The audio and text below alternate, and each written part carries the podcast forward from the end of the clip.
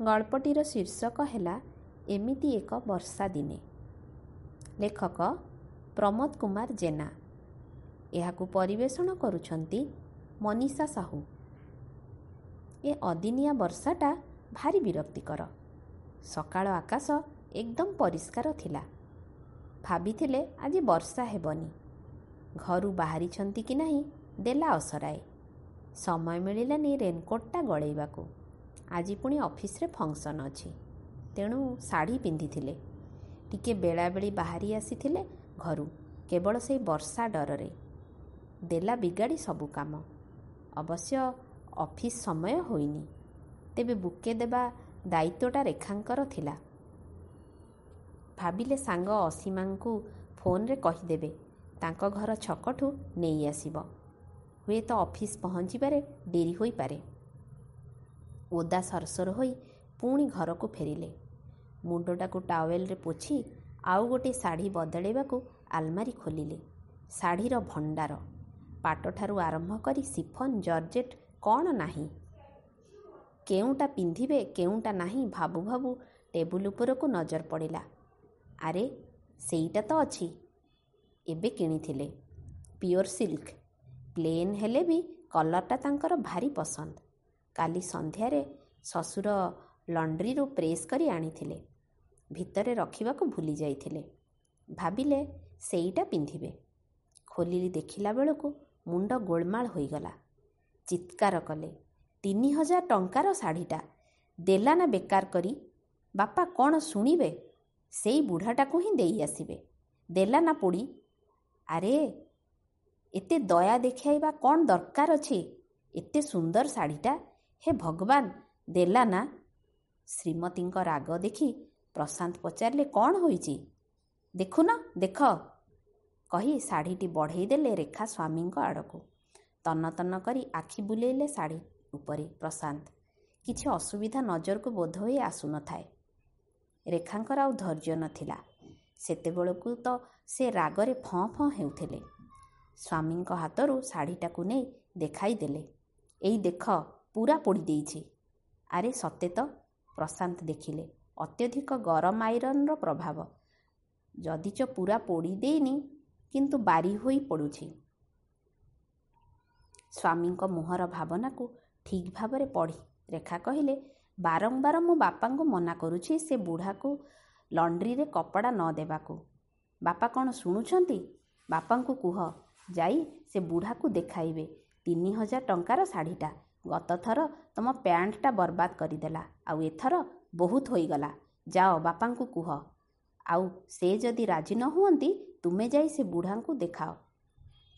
ମୋର ଏତେ ପଇସା ନାହିଁ ଯେ ପୋଡ଼ିଗଲେ ଆଉ ଗୋଟେ ଶାଢ଼ୀ କିଣିଦେବି।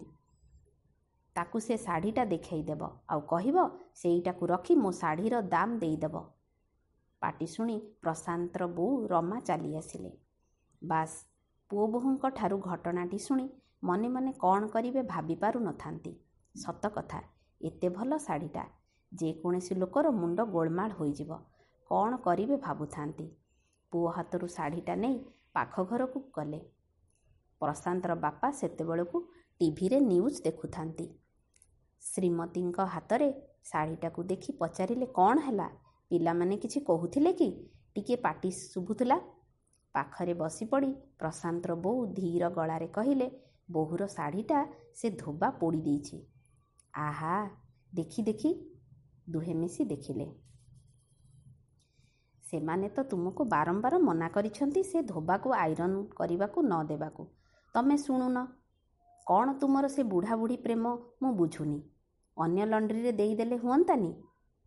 ତମେ ତ ବହୁ କଥା ଜାଣିଛ।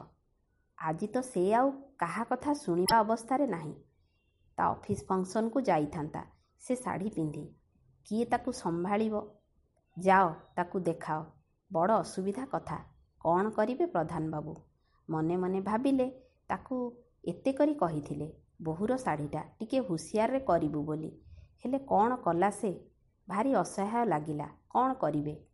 ହେଇଟି ତୁମେ ନ ଗଲେ ପୁଅ ଯିବ। କ'ଣ କହୁଛ?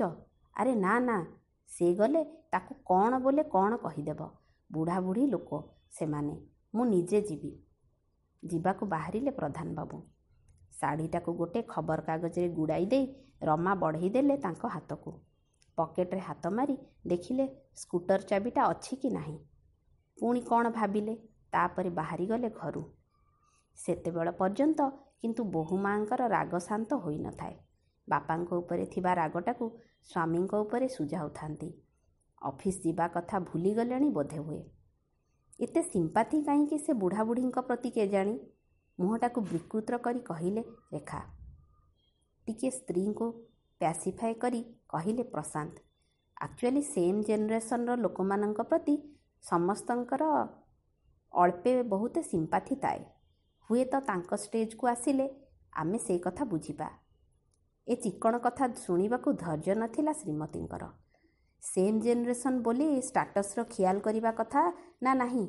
ଦୁନିଆ ଯାକର ଦୁଃଖ ବାଣ୍ଟିବାକୁ ବାପାଙ୍କୁ କିଏ ଗୁହାରି କରୁଛି? ରମାଦେବୀ ଦେଖିଲେ ଏମାନଙ୍କ ଯୁକ୍ତିତର୍କର ଅନ୍ତ ନାହିଁ। ଭାବିଲେ ଅନ୍ୟ ଘରକୁ ଚାଲିଗଲେ ମୁକ୍ତି। ଅତି କମ୍ରେ ସ୍ୱାମୀଙ୍କ ବିରୁଦ୍ଧରେ ତ କିଛି ଶୁଣିପାରିବେନି ଦିନ ଥିଲା। ଛୋଟ ଛୋଟ କଥା ଗୁଡ଼ିକରେ ପ୍ରଶାନ୍ତର ବାପା ପୁଅକୁ ଆକଟ କରୁଥିଲେ। ବାଟ ଦେଖାଉଥିଲେ ବିରୋଧ କରୁଥିଲେ। ଆସ୍ତେ ଆସ୍ତେ ଲାଗିଲା। ବୟସ ଯେମିତି ଆଗକୁ ଆଗକୁ ଯାଉଛି ସେ କ୍ଷମତାଟା ପୁଅ ପାଖରୁ ହସ୍ତାନ୍ତର ହୋଇଯାଉଛି। ଆଉ ପୂର୍ବ ଭଳି କର୍ତ୍ତୃତ୍ୱ ନାହିଁ।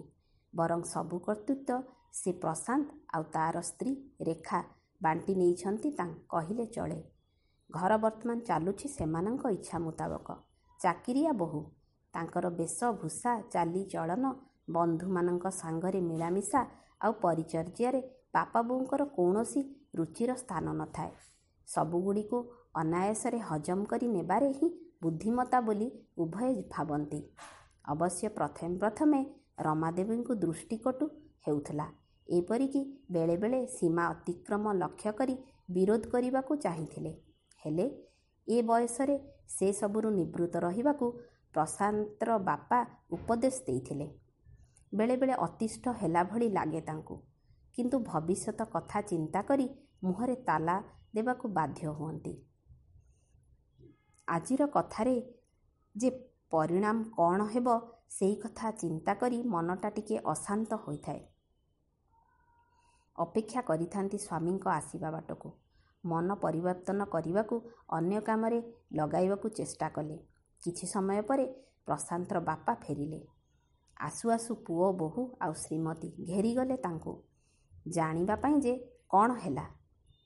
ଖବରକାଗଜ ଗୁଡ଼ା ଶାଢ଼ୀଟାକୁ ରଖି କହିଲେ ସେ କ'ଣ ମାନୁଥିଲା? ଶାଢ଼ୀଟାକୁ ଦେଖେଇ ଦେଲି। କେତେ ଝଗଡ଼ା ଝଗଡ଼ି ବି କଲି। କହିଲି ତିନି ହଜାର ଟଙ୍କାର ଶାଢ଼ୀ। ନଷ୍ଟ କରିଦେଲୁ। ଏଇଟା ତୁ ରଖ ଆମ ପଇସା ଫେରା। ସମସ୍ତେ ଚାହିଁ ରହିଲେ। ତାପରେ କ'ଣ ହେଲା? ଶାଢ଼ୀଟା ତ ଫେରେଇ ଆଣିଲ। ବଡ଼ କଷ୍ଟରେ ରାଜି ହେଲା। କହିଲା ଶାଢ଼ୀ ନିଅନ୍ତୁ ଆଉ ନଷ୍ଟ ବାବଦକୁ ହଜାରେ ଟଙ୍କା ଦେଲା। ମୁଁ ଆଣୁନଥିଲି ଦେଖିଲି ଗରିବ ଲୋକ ଆଉ ବାଧ୍ୟ କଲିନି। ଏତିକି କହି ପକେଟରୁ ହଜାର ଟଙ୍କା ବାହାର କରି ସ୍ତ୍ରୀଙ୍କ ହାତକୁ ବଢ଼େଇ ଦେଇ କହିଲେ ବୋହୂକୁ ଦେଇଦିଅ। ଆଉ ବୁଝେଇ ଦିଅ ହେଲା ଏଣିକି ଆଉ ସେ ବୁଢ଼ାବୁଢ଼ୀଙ୍କୁ କେବେ ବି କପଡ଼ା ଦେବେନି। ଯାହା ହେଉ କିଛି ତ ମିଳିଲା। ଅର୍ଦ୍ଧଂ ତ୍ୟଜନ୍ତି ପଣ୍ଡିତାହା ଭାବି ଭିତରକୁ ପଶି ପୁଅ ବୋହୂ। ପ୍ରଶାନ୍ତର ବୋଉ ମଧ୍ୟ ଟିକେ ଆଶ୍ୱସ୍ତ ହେଲେ। ପୁଅ ବୋହୂଙ୍କ ଅବସ୍ଥା ଦେଖି। ଶୋଇବା ବେଳକୁ ରମା ପଚାରିଲେ ଗୋଟେ କଥା ମୋତେ ସତ କହିବ? ପଚାର। ନା ତୁମେ ମୋ ରାଣ ଖାଅ। ଆରେ ବାବା ମୁଁ କ'ଣ ତୁମକୁ କେବେ ମିଛ କହିଛି ଯେ ତୁମେ ଶେଷରେ ମୋତେ ରାଣ ଖୁଆଇବ? ସତ କହିବ ନିଶ୍ଚୟ। ସେମାନେ ଯଦି ତୁମକୁ ବାରମ୍ବାର ମନା କରୁଛନ୍ତି ସେ ବୁଢ଼ାକୁ କପଡ଼ା ଦେବାକୁ ତୁମେ ତାଙ୍କୁ କାହିଁକି ଦେଉଛ? ସେ ତୁମର କ'ଣ? ଏତେ ଦରଦ ତାଙ୍କ ପାଇଁ କାହିଁକି? ଏଇଟା ଗୋଟିଏ କଥା। ଏଇଥିପାଇଁ ମୋତେ ରାଣ ଖୁଆଉଛ। ହଁ ଆଜି ମୁଁ ଯାହା ଯାହା ପଚାରିବି ତୁମେ ମୋତେ ସତ ସତ କହିବ। ଠିକ୍ ଅଛି। ଶୁଣ ସେ ଦୁଇ ଜଣଙ୍କୁ ମୁଁ ଆଗରୁ ଜାଣିନଥିଲି। ଦିନେ କପଡ଼ା ନେଇ ଗଲାବେଳକୁ ସେପଟ ଲଣ୍ଡ୍ରିଟା ଯେଉଁଠି ପୁଅ ଆଗେ କପଡ଼ା ଦେଉଥିଲା ଖୋଲା ନଥିଲା। ଏପଟେ ଗୋଟେ ନୂଆ ଲଣ୍ଡ୍ରି ଦେଖିଲି ବୁଢ଼ାଟିଏ ବୁଢ଼ୀଟିଏ। ଭାବିଲି କପଡ଼ା ଦେବି ନା ଦେବିନି। ଫେରି ଆସିଲେ ବହୁ ବିରକ୍ତ ହେବ। ଦେଖିଲି ତାଙ୍କ ପାଖରେ ବେଶୀ କପଡ଼ା ବି ନଥିଲା। ତେଣୁ ଦେଇ ଦେଇ କହିଲେ ଏବେ କରିଦିଅ। ବୁଢ଼ା ସାଙ୍ଗେ ସାଙ୍ଗେ ଇସ୍ତ୍ରୀ କରିଦେଲା। ପ୍ରଥମ ଚିହ୍ନାରେ ମୁଁ ସେଠି କପଡ଼ା ଦେବା ଆରମ୍ଭ କଲି। ଆସ୍ତେ ଆସ୍ତେ ପରିଚୟ ହେଲା। ଏମିତି ଥରେ ପଚାରୁ ପଚାରୁ ଦିନେ ତାଙ୍କ ଘର କଥା ପଚାରିଦେଲି। ସେଦିନ ବୁଢ଼ୀ ମୋ ପାଖରେ ତା ଦୁଃଖର କାହାଣୀ କହିଲା। ତାଙ୍କର ଦୁଇ ପୁଅ। ଦୁଇ ଜଣ ଯାକ ଚାକିରି କରିଛନ୍ତି। ସାନ ପୁଅ ବାହାଘର ପରେ ଅଲଗା ହୋଇଗଲେ। ଗାଁରେ ସେମିତି କିଛି ଜମିବାଡ଼ି ନାହିଁ ଯାହା ଥିଲା ପିଲାଙ୍କର ପାଠପଢ଼ାରେ ବିକ୍ରି ହୋଇଗଲା। ଦୁଇ ପୁଅଙ୍କର ରାଜିରେ କଥା ହେଲା ବୁଢ଼ାବୁଢ଼ୀ ଦୁହେଁ ମାସର ପନ୍ଦର ଦିନ ଲେଖାଏଁ ଉଭୟ ପୁଅଙ୍କ ପାଖରେ ରହିବେ। ଭଲରେ ଭଲରେ ଚାଲିଥିଲା। ମାସର ପନ୍ଦର ଦିନ ବଡ଼ ପୁଅ ପାଖରେ ତ ଆର ପନ୍ଦର ଦିନ ସାନ ପୁଅ ପାଖରେ। ଦିନେ ସାନ ପୁଅର ଦେହ ଖରାପ ଥିଲା। ତାଙ୍କ ଘରେ କିଏ ଅଛି ଯେ ରୋଷେଇ ବାସ କରିଦେବ? ସାନ କହିଲା ବଡ଼ ଭାଇ ପାଖରେ ପନ୍ଦର ଦିନ ରହିଯା। କିନ୍ତୁ ଆଉ ଅଧିକ ଦିନ ରହିବାକୁ ବଡ଼ ବୋହୂ ମନା କରିଦେଲା। ଭାବିଲେ କାହିଁକି କାହାକୁ ହଇରାଣ କରିବେ? ପନ୍ଦର ଦିନର କଥା ତ ଗାଁକୁ ପଳେଇ ଆସିଲେ। ଯେନତିନ ପ୍ରକାରଣ ପନ୍ଦର ଦିନ ନିଜେ ନିଜେ ରୋଷେଇ କରି କାଟିନେଲେ। ହେଲେ ଯେତେବେଳେ ବଡ଼ ପୁଅ ପାଖକୁ ଆସିଲେ ମହାଭାରତ ଆରମ୍ଭ ହୋଇଗଲା। ଏଥିରେ ମହାଭାରତ କାହିଁକି ସୃଷ୍ଟି ହେଲା? ସେଇଠି ତ କଥା। ବଡ଼ ବୋହୂ କହିଲା ସାନ ବୋହୂ ପାଳି ବେଳେ ଯଦି ନିଜେ ରୋଷେଇ କରି ଖାଇପାରୁଛ ଆମ ପାଳିରେ ବି ନିଜେ ରୋଷେଇ କରି ଖା। ହାତ ଗୋଡ଼ ତ ବେଶ ଚଲୁଛି ଆମକୁ କାହିଁକି ମାରୁଛ? ସାନ ବୋହୂ କ'ଣ ବୋହୂ? ମୁଁ କ'ଣ ବୋହୂ ନୁହେଁ? ତା ବେଳକୁ ଦରଦ ବହି ପଡ଼ୁଛି ଆଉ ଆମ ବେଳକୁ ହାତ ଗୋଡ଼ ଚାଲୁନି? କି ବିଚିତ୍ର ଯୁକ୍ତି! ଯେତେ କହିଲେ ବି ବଡ଼ ବୋହୂ ଆଉ ଘରେ ପୁରାଇଲାନି। ଏ କଥା ସାନ ବୋହୂ କାନରେ ପଡ଼ିଲା। କଙ୍କଡ଼ାକୁ ଗୋଳି ପାଣି ସୁହାଏ ତାପରେ ସାନ ବୋହୂ ବି ମନା କରିଦେଲା। ପୁଅମାନଙ୍କର ତ ବୋହୂମାନଙ୍କୁ ହାଡ଼େ ହାଡ଼େ ଡର। ଆଉ କରିବେ କ'ଣ? ହେ ଭଗବାନ! ଏଇ କଥା ବୁଢ଼ୀ ମୋତେ କାନ୍ଦି କାନ୍ଦି ସେଦିନ କହିଲା। ମୋତେ ପଚାରିଲା ବାବୁ ମୋ ଦୋଷ କେଉଁଠି ରହିଲା? ମୁଁ ଆଉ କ'ଣ ତାକୁ ଜବାବ ଦେବି? ସେଇଦିନଠାରୁ ସେମାନେ ପେଟ ପୋଷିବାକୁ ଏଇ ବୟସରେ ଲଣ୍ଡ୍ରିଟିଏ ନେଇ କରିଛନ୍ତି। ହେଲେ କିଏ ତାଙ୍କୁ କପଡ଼ା ଦେବ? ମୁଁ ଯେବେଠାରୁ ଦେବା ଆରମ୍ଭ କଲି ଅନ୍ୟମାନେ ବି ଦେଉଛନ୍ତି। ମୁଁ ବନ୍ଦ କଲେ ଆଉ କେହି କପଡ଼ା ଦେବେନି। ଆଖିକୁ ଦେଖାଯାଉନି ଭଲ ଭାବେ କ'ଣ କରିବ? ବେଳେବେଳେ ଅସୁବିଧା ହୋଇଯାଉଛି। ବୟସ ବି ଦାଉ ସାଜୁଛି। ଏତିକି କହିଲା ବେଳକୁ ପ୍ରଧାନ ବାବୁଙ୍କ ଗଳା ଟିକେ ଓଦା ହୋଇଗଲା। ସବୁ କଥା ଶୁଣି କାହିଁକି କେଜାଣି ଶ୍ରୀମତୀଙ୍କ ଆଖିରେ ଲୁହ ବହି ଆସିଲା। ସେଇଥିପାଇଁ ଏଟିଏମ୍ରୁ ଟଙ୍କା ବାହାର କରି ବୋହୂକୁ ଦେଇଦେଲ? ଆରେ ତମେ କେମିତି ଜାଣିଲ? ସ୍ୱାମୀଙ୍କ ହାତକୁ ଏ ଟି ଏମ୍ ୱିଡ୍ରାଲ୍ ସ୍ଲିପ୍ଟା ବଢ଼େଇ ଦେଇ କହିଲେ ଏଇଥିରୁ ଆଚ୍ଛା ଦୁଇ ହଜାର ଟଙ୍କା ତ ବାହାର କଲ ପକେଟରେ ତ ଆଉ କିଛି ପଇସା ନାହିଁ। ଆଉ ହଜାରେ ଟଙ୍କା ସେମାନଙ୍କୁ ଦେଇଦେଲି। କହିଲି ଆଉ କିଛି ପଇସା ମିଶାଇ ଗୋଟିଏ ଭଲ ଅଟୋମେଟିକ୍ ଆଇରନ୍ କିଣିନେବ ନହେଲେ ଆଜି ଆମ ବୋହୂର କପଡ଼ା ଜାଳିଛି କାଲି ଆଉ କାହାର ଜଳିଯିବ। ସମସ୍ତେ କ'ଣ ବୁଝିବେ? ମୋ ଆକାଉଣ୍ଟରେ ଏବେ ଡି ଏ ଏରିୟରଟା କ୍ରେଡ଼ିଟ୍ ହୋଇଛି। ସେଇଥିରୁ କିଛି ଦେଇ ଦେଇଛି। ଗରିବ ଲୋକ ଏ ବୟସରେ ସେମାନଙ୍କର ବେପାର ବୁଡ଼ିଗଲେ ସେମାନେ କୁଆଡ଼େ ଯିବେ? ଆମର ସିନା ପେନ୍ସନ୍ ଅଛି। ଆଉ କିଛି ପଚାରିଲେନି ରମା। ବାହାଘର ପରର କଥା ମନେ ପଡ଼ିଗଲା। ଦିନେ ତାଙ୍କ ବୋଉକୁ ବାପା କହୁଥିଲେ ମୋର ଜ୍ୱାଇଁଙ୍କର ସିନା ଦରମା କମ୍ ହେଲେ ମନ ବହୁତ ବିଶାଳ। ଆମ ରମା ବହୁତ ଖୁସିରେ ରହିବ। ଆଜି ବାପା ବୋଉ ନାହାନ୍ତି ହେଲେ ଥିଲେ ଅବା କହିଥାନ୍ତେ ବାପା ତାଙ୍କ ଭଳି ସ୍ୱାମୀ ପାଇ ମୋ ଜୀବନ ଚରିତାର୍ଥ ହୋଇଯାଇଛି।